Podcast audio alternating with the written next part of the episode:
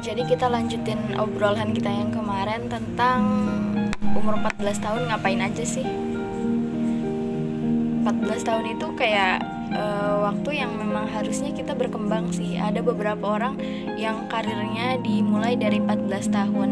Jadi waktu itu kalau misalnya kita telah lagi umur 14 tahun tuh banyak banget pribadi-pribadi yang udah sukses yang udah memulai karirnya di usia segitu banyak juga anak umur 14 tahun yang sudah berprestasi sampai ke jenjang nasional.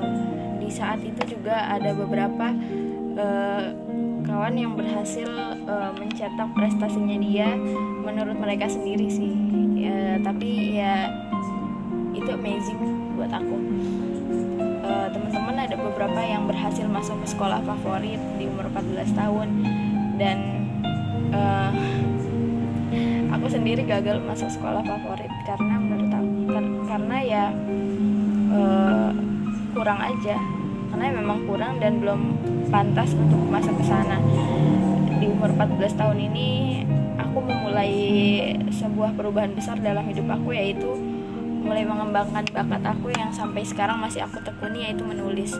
Walaupun sampai sekarang aku belum pernah menerbitkan karyaku tapi dengan menulis ternyata itu menjadi sebuah tempat untuk aku melampiaskan segala lelahnya hidup yang menurut aku nggak eh, nggak uh, sesuai dengan keinginan aku. Tapi di sanalah aku mendapatkan hikmah-hikmah yang aku tulis dalam sebuah uh, goresan kecil di buku uh, kemudian aku salin dan aku posting uh, di webpad untuk dibaca sama teman-teman semuanya.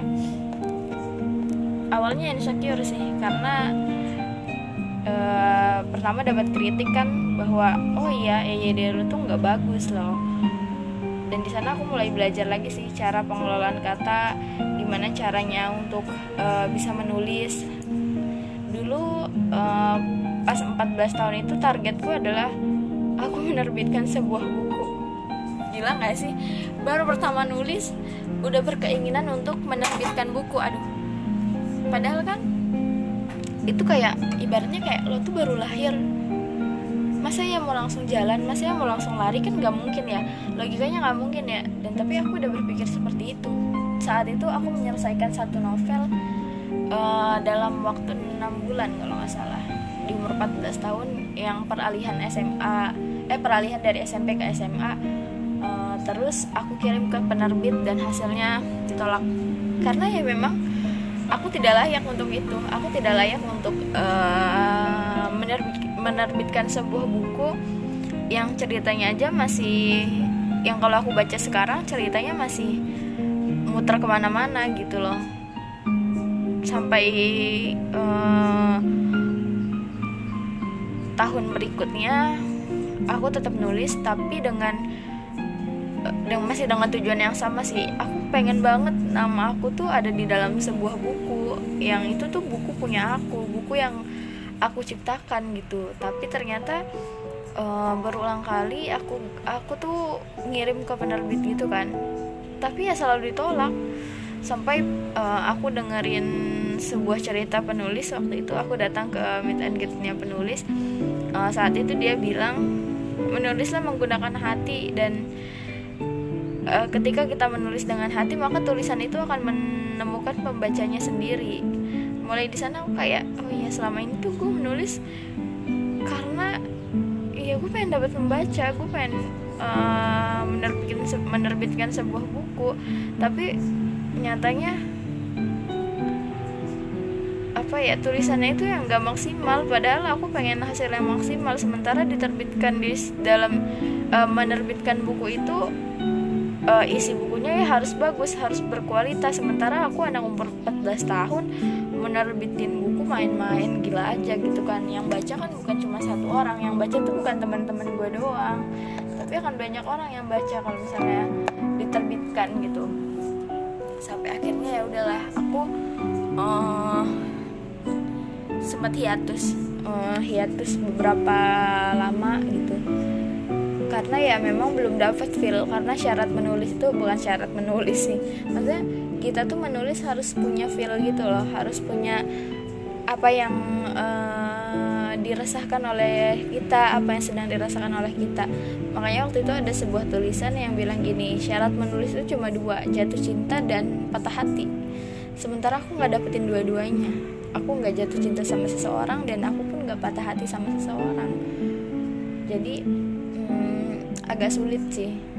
Sulitnya menulis adalah ketika kita nggak punya uh, sesuatu yang kita rasakan gitu.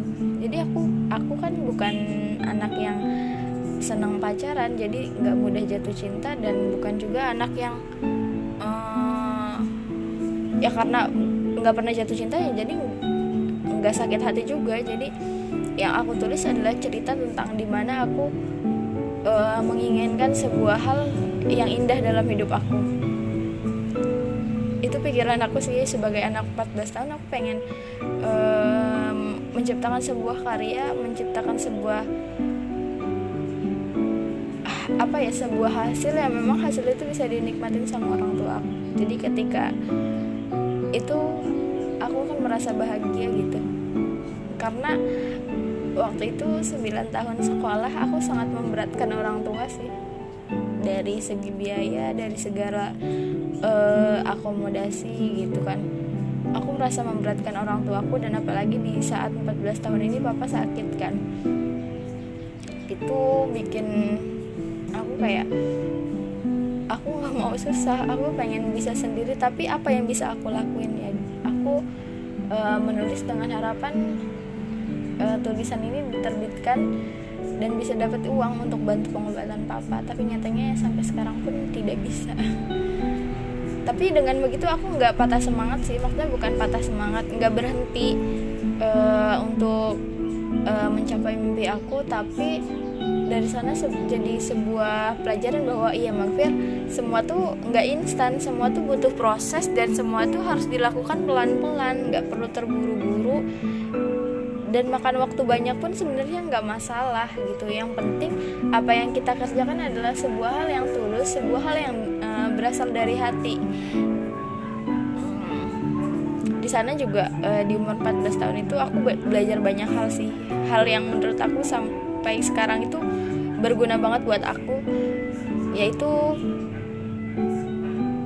naik motor. Kenapa? Karena berpikir apa jadinya aku kalau misalnya aku nggak bisa melakukan itu.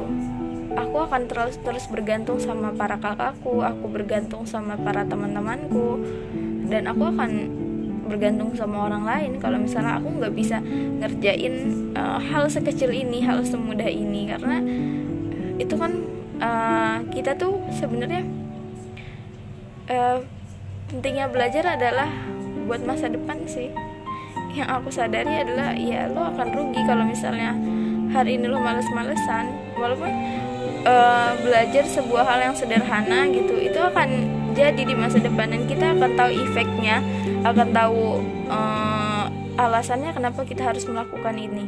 Jadi aku tuh selalu tanya sama papa waktu itu kayak kenapa sih harus bisa? Kenapa sih harus belajar ini? Dan ternyata ya sekarang kerasa juga ya kita perlu ini gitu samping uh, apa di samping segala kebutuhan itu